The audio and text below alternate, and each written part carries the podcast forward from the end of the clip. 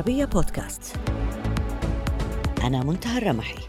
أقدم لكم حلقة جديدة من البعد الآخر. أهلا بكم.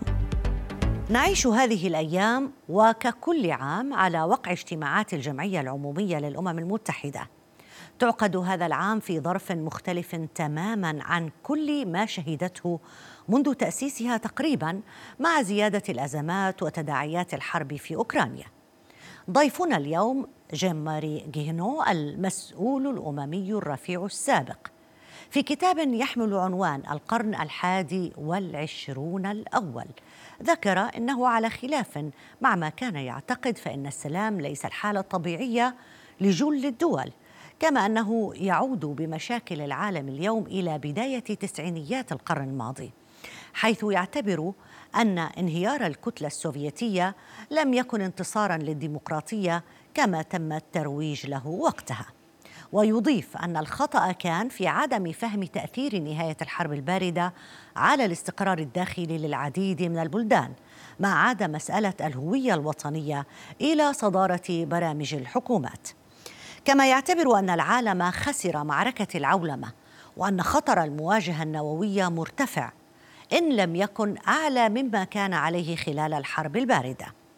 يدعو ضيفنا اليوم إلى إعادة النظر في هيكلة الأمم المتحدة حاليا ويرى أن إعادة الاستقرار والتوازن للنظام العالمي يمر حتما عبر إعادة بناء أوروبا على أساس أنها اتحاد للأمم لا الدول كما يرى أن الغرب عندما أصبح قويا أساء استخدام قدرته المطلقة في كل من كوسوفو والعراق وليبيا وغيرها. ولذلك فإن العديد من الدول ترى الحرب في أوكرانيا على أنها معركة لإقامة توازن جديد أكثر من كونها معركة على مبادئ يغتصبها الجميع. أهلا بك معنا سيد جينو نرحب بك معنا في البعد الآخر واسمح لي أن أبدأ معك بسؤال بسيط جدا. كيف ترى العالم اليوم تحديدا في سبتمبر 2022 Well, I see the world as fractured. أرى العالم متمزقا ومنفصلا في ذات الوقت متمزقا بمعنى أن هناك حالة من القسمة والكبيرة التي تتضح على خلفية الصراع بين روسيا ومن جهة ودول الغرب من جهة أخرى للتوصل إلى تفاهم. بهذه الحالة هو ممزق وفي ذات الوقت هو عالم مترابط لأنه قد يختلف عما عشناه في بين الحرب الباردة فهناك حجم تجارة كبير بين الصين ودول غربية ويتم تبادل الأفكار وعالم مليء بالمعاملات المالية حيث الشعوب ترغب بإقامة علاقات مع نظرائها في دول أخرى حتى لو كانت بطريقة غير أيديولوجية. وهناك طموحات لهذا الأمر ضمن طائفة من الدول التي لا ترغب أن تكون عدوا لروسيا وفي ذات الوقت ترغب بأن تبقى علاقات لنفسها مع روسيا فهذا عالم متمزق الأطراف لكنه مترابط في ذات الوقت أريد منك شرح أكثر ربما أو إضاءة أكبر على بعض الأفكار التي وردت في كتابك الذي أشرنا إليه في المقدمة اعتبرت في كتابك أن التهديد الخارجي تسبب في تفكك النظام العالمي ما الذي تقصده بالضبط؟ هل هو تهديد خارجي على مستوى الدول أم ماذا؟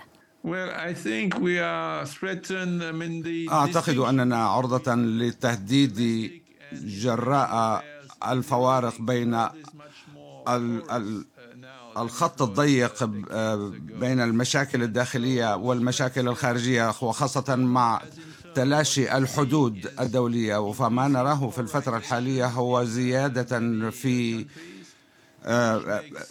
في قطبية إحدى الدول الأمر الذي يجعل الحياة أكثر صعوبة على بقية شعوب العالم. ونرى هذا الأمر أيضا أن أن الغرض المشترك بين كافة دول العالم بات يتراجع وحس الوطنية هو الذي بات يسمو بسبب جمع الناس. وترامب تحدث عن جعل أمريكا عظيمة مجددا وهذا ما يفعله بوتين جعل روسيا عظيمة مجددا.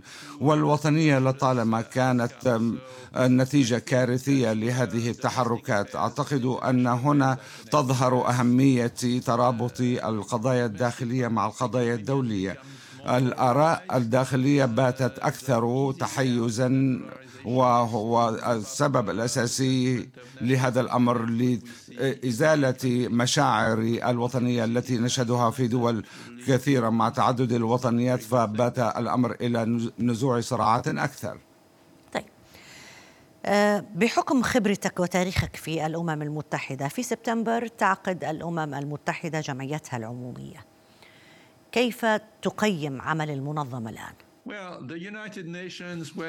الأمم المتحدة والدول دائمي العضوية في مجلس الأمن آه، على حالة آه، من عدم الاتفاق الدائم كما هو الحال بالنسبة لقضية روسيا ومن من جهة والمملكة المتحدة والولايات المتحدة وفرنسا وغيرهم. وهذا حجر عثرة كبير يؤثر على عمل الأمم المتحدة. وفي ذات الوقت قد يكون امرا مهما ومشجعا أن نعلم أن الأمم المتحدة قد استمرت بعملها في طرق مختلفة. فكما تعلمون فهي تلعب دورا انسانيا بالغ الأهمية. ومن المثير الاهتمام أن نرى كيف الأمم المتحدة تدبرت أمر إبرام اتفاقيات حول صادرات الحبوب من أوكرانيا. فهذا الأمر لما كان قد يرى النور دون تدخل الأمم المتحدة. لذا العالم متمزق والأمم المتحدة قد قوضت بسبب هذه الخلافات بين دول دائمة الأعضاء في مجلس الأمن لكن لا يمكن الاستغناء عنها وقد أثبتت مدى فعاليتها وخاصة في الآونة الأخيرة من خلال اتفاق الحبوب. آمل أن يحملوا الأمر نفس النتائج فيما يتعلق بمحطة زابروجيا لأن هناك مصلحة عالمية آه، ومصلحة لروسيا ولأوكرانيا بأن لا يكون هناك أي حوادث نووية قد تحدث في تلك المحطة النووية. لذا فإن الأمم المتحدة ومن خلال الوكالة الدولية للطاقة الذرية يمكنها أن تلعب دورا ما آه، لنزع فتيل التوتر نعلم أن المحطة تقع بين بين خطوط مرمى النار آه، آه، للدولتين روسيا وأوكرانيا. ولكن يؤمل ما يؤمله أن الوكالة الدولية للطاقة الذرية سوف تلعب دورا مهما. وهنا تكمن أهمية الأمم المتحدة. هل ترى بأنه في خطر من حدوث مواجهة نووية مع هذه الحرب؟ Uh, uh, نعم هناك دائما مخاوف ومخاطر من التصعيد. التبعات لهذه الحرب كانت قد سجلت نتائج كارثية سلفا. فعشرات الآلاف من الأرواح زهقت والحرب يجب أن لا تكون وسيلة شرعية لتصفية النزاعات وتسويتها بين الخصوم. وفي حالة أوكرانيا فإن الغزو الروسي قد حمل تبعات كارثية. والجميع حتى القاسي قبل الداني يدرك أن أي تصعيد يرقى لأزمة عالمية كما نراه بين روسيا وأوكرانيا سوف يكون خطرا كبيرا خط خط خطيرا للغاية وكارثيا لدرجة كبيرة ويؤمل ما أن يتم احتواء هذه الحرب. لكن كما نرى الحرب فإنها كارثية إلى حد كبير. عودا لموضوع الأمم المتحدة. يعني تردد أو قيل بأنك آه، شخصيا من الداعمين لفكرة إعادة هيكلة آه، المنظمة، هل هل ترى شكلا محددا؟ آه، ربما يساعد في ذلك؟ أعتقد أن الأمم المتحدة لابد لها أن تتكيف مع الأوقات الحديثة المعاصرة وفيما يتعلق بتوزيع القوى في العام 2020 لم يكن كما هو عليه الحال في عام 1900 وخمسة فالدول الأعضاء قد ازداد عددهم بصورة كبيرة. والآن بات لدينا جهات غير حكومية يمكنها أن تتحلى بقوة قدرها قدر الدول الكبرى فهناك أيضا هذه الجهات التي تتعاون على مستويات متعددة لديها تأثير كبير.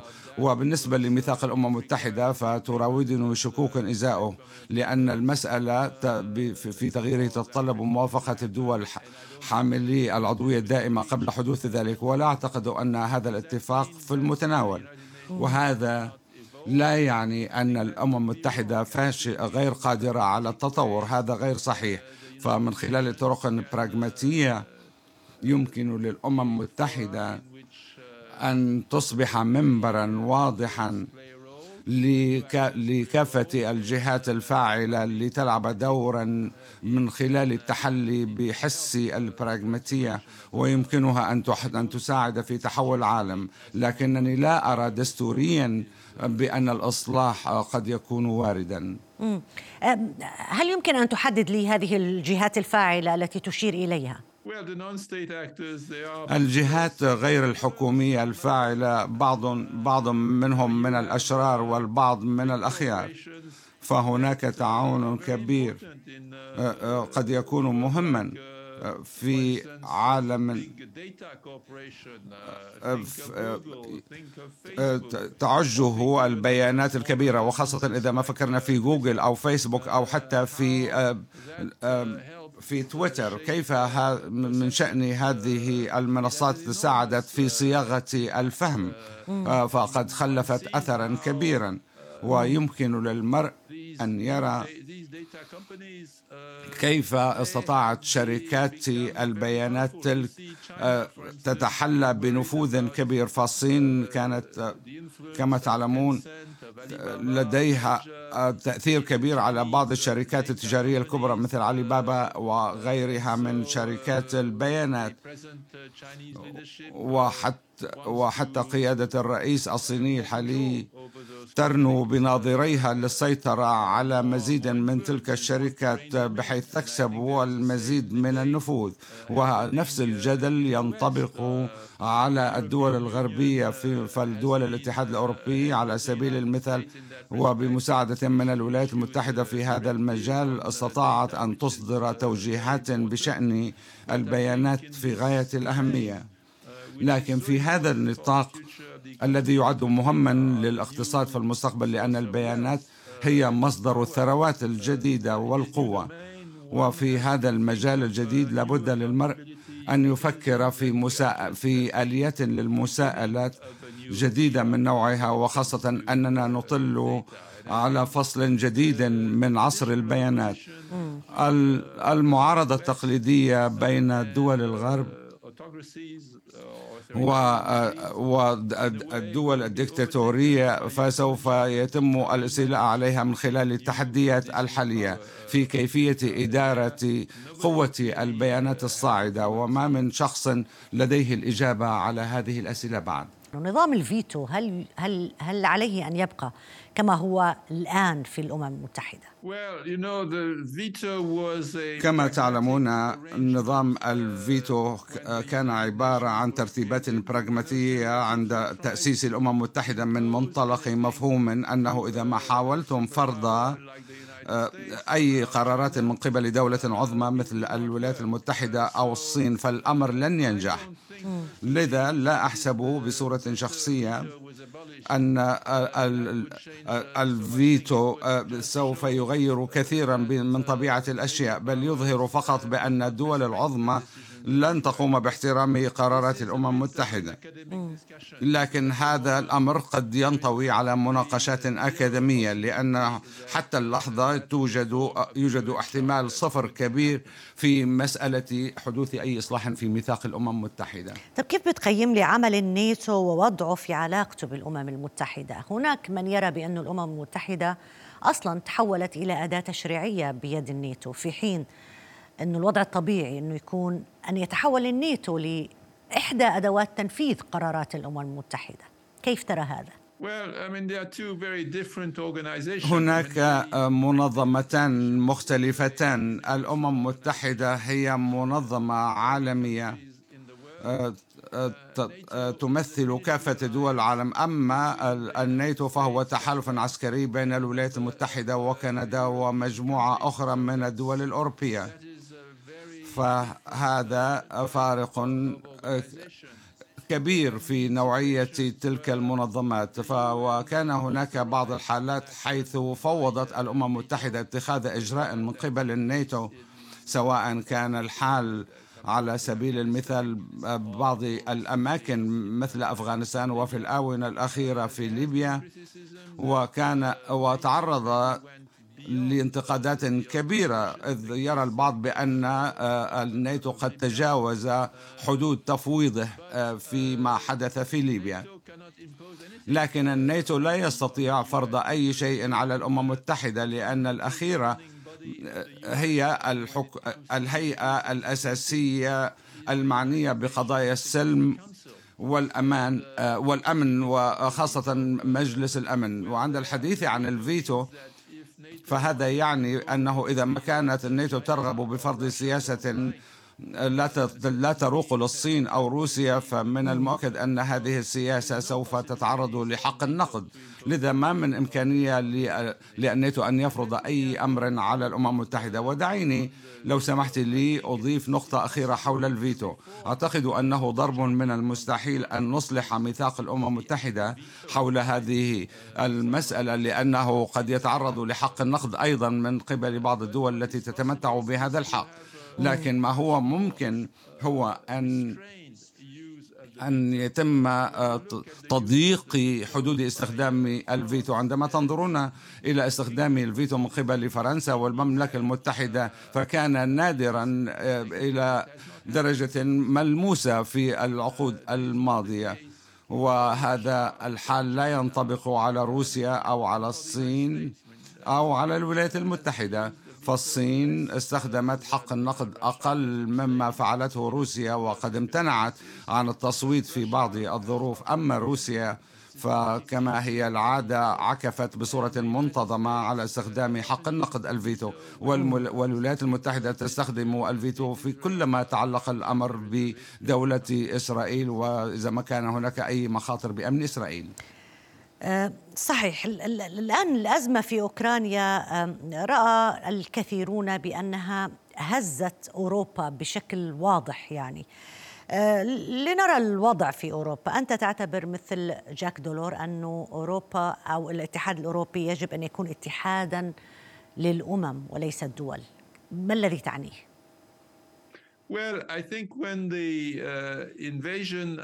أعتقد uh, عندما وقع غزو أوكرانيا فكانت هذه بمثابة صدمة كبيرة على الأوروبيين لأن حال لسانهم كان يقول أن مهمة القوات الروسية على الحدود الأوكرانية كانت أكذوبة آه، كبيرة ولن يكون هناك عمل عسكري. ساد هذا الاعتقاد لديهم لأنهم كانوا يعتقدون بأن روسيا سوف تأخذ في الاعتبار التبعات الكارثية لهذا الهجوم لكنهم صراحة لم يفعلوا ذلك ومضوا قدما تحت ظل القيادة الروسية الرئيس بوتين في العمل العسكري. الأو الأمر الأول هو الصدمة الكبرى لأوروبا. ثانيا ما ما كان قد أخذ الكثيرين بعنصر المفاجئة بأن أوروبا كان باتت أكثر اتحادا مما هي انقساما وشرذمة فبات هناك أنفاق أكثر على القدرات الدفاعية ولا سيما بالنسبة لألمانيا التي كانت مترددة. وفجأة بات هناك نوع من الاتفاق بين الدول الأوروبية بأنه لا يمكننا أن نتحلى بالقوة الناعمة فقط. لا بد من وجود القوة الصلبة. لذا فكهناك تحول وتغير وحالة من التكامل بين الأوروبيين من أجل أن يكون لديهم ميزانية عسكرية أكبر وأقوى. ثالثا على الرغم من وجوه بعض أوجه الاختلاف بين الدول الأوروبية ولا سيما الدول في الخطوط الأمامية التي تشعر بأنها عرضة لأخطار مباشرة من روسيا مثل دول البلطيق أو بولندا أو أو دول حتى أبعد من ذلك بكثير عن روسيا. فكل فكلهم لديهم اختلافات وهذا أمر واضح. لكن مع ذلك فكان هناك اتفاقات آه، حول العقوبات المفروضة على روسيا والاتحاد الأوروبي بدوره كان أكثر وحدة مما كان يخال لدى الجميع وقت اندلاع الأزمة. بالنسبة لأوروبا فهذه لحظة تاريخية بمعنى أن الأوروبيين يتلمسون نظام الحكم الذي قام ببناء ركائزه على منع الحروب بين الدول وإقامة علاقات صحيح. لعلاقات يحكمها القانون وكانوا يرغبون بالدفاع عن هذه الفلسفة لانها لأنها تحمل مزايا كبيرة لذا فإن الصراع في الفترة الحالية يظهر بطريقة عكسية أن الأوروبيين أكثر اتحادا وهذا لا يعني انعدام الصعوبات في المستقبل فيما بين هذه الدول لأن هذا المزيج من الحرب في أوكرانيا من جهة والتباطؤ في العالم مع حدوث التضخم. فكل هذه الأمور مجتمعة سوف تؤدي إلى حالة من الركود الاقتصادي في أوروبا. وعندما لا تكون الأجواء الاقتصادية مشجعة أو تبعث على التفاؤل فهذا يدفع لتأثيرات على المناحي السياسية وخاصة في ظل تلك الأوضاع الاقتصادية. طب اسمح لي أن أذهب لعنوان كتابك الذي أشرنا إليه في المقدمة. آه، لو صحت الترجمة الكتاب يحمل عنوان القرن الحادي والعشرين الأول أو الحادي والعشرون الأول. ماذا تقصد بهذا العنوان؟ Well, uh, this title is uh, العنوان عمدا كان غامضا فالقرن الحادي والعشرين الأول أعني من خلالها تحليل أول عشرين عاما من هذا القرن. لذا هناك تسلسل منطقي لهذا الكتاب. وفي ذات الوقت هناك أحساس يجابه اختلافات كبيرة نلمسها في العالم بالمقارنة مع ما عرفناه. ليس فقط مع الماضي غير البعيد بل أتحدث مع قدوم البيانات والأكاديميات التي حولت من ملامح العالم بصورة راديكالية. عندما أتحدث القرن الحادي والعشرين الأول فأقصد القرن الحادي والعشرين الذي قد يحمل نسخ النسخة الأولى من هذا القرن والنسخة الثانية إلى آخره. ونحن نصارع مع هذه الثورة التي لا تقل أهمية عن عن اكتشاف الطباعة وكذلك الثورة الصناعية وهما ثورتان اللتان ينصهران في بوتقة واحدة وقد يكون وقد تكون هذه البداية هي تحليل الحاجة لضرورة اختراع مسألة مسألة جديدة. قد يكون هو ترت ليس من قبيل الترتيب الزمني كما يعكسه العنوان بل هو يحمل بعدا ينطوي على بعض الأفكار والمفاهيم في مساعينا لإيجاد حلول لعالم لم تكن فيه مؤسساتنا قد صممت لمجابهته. على نحو صحيح. شكرا جزيلا لك سيد جون ماري جينو النائب الامين العام السابق للأمم المتحدة على المشاركة معنا في البعد الآخر. ألف شكر. إلى هنا انتهت حلقة اليوم من البعد الآخر. إلى اللقاء.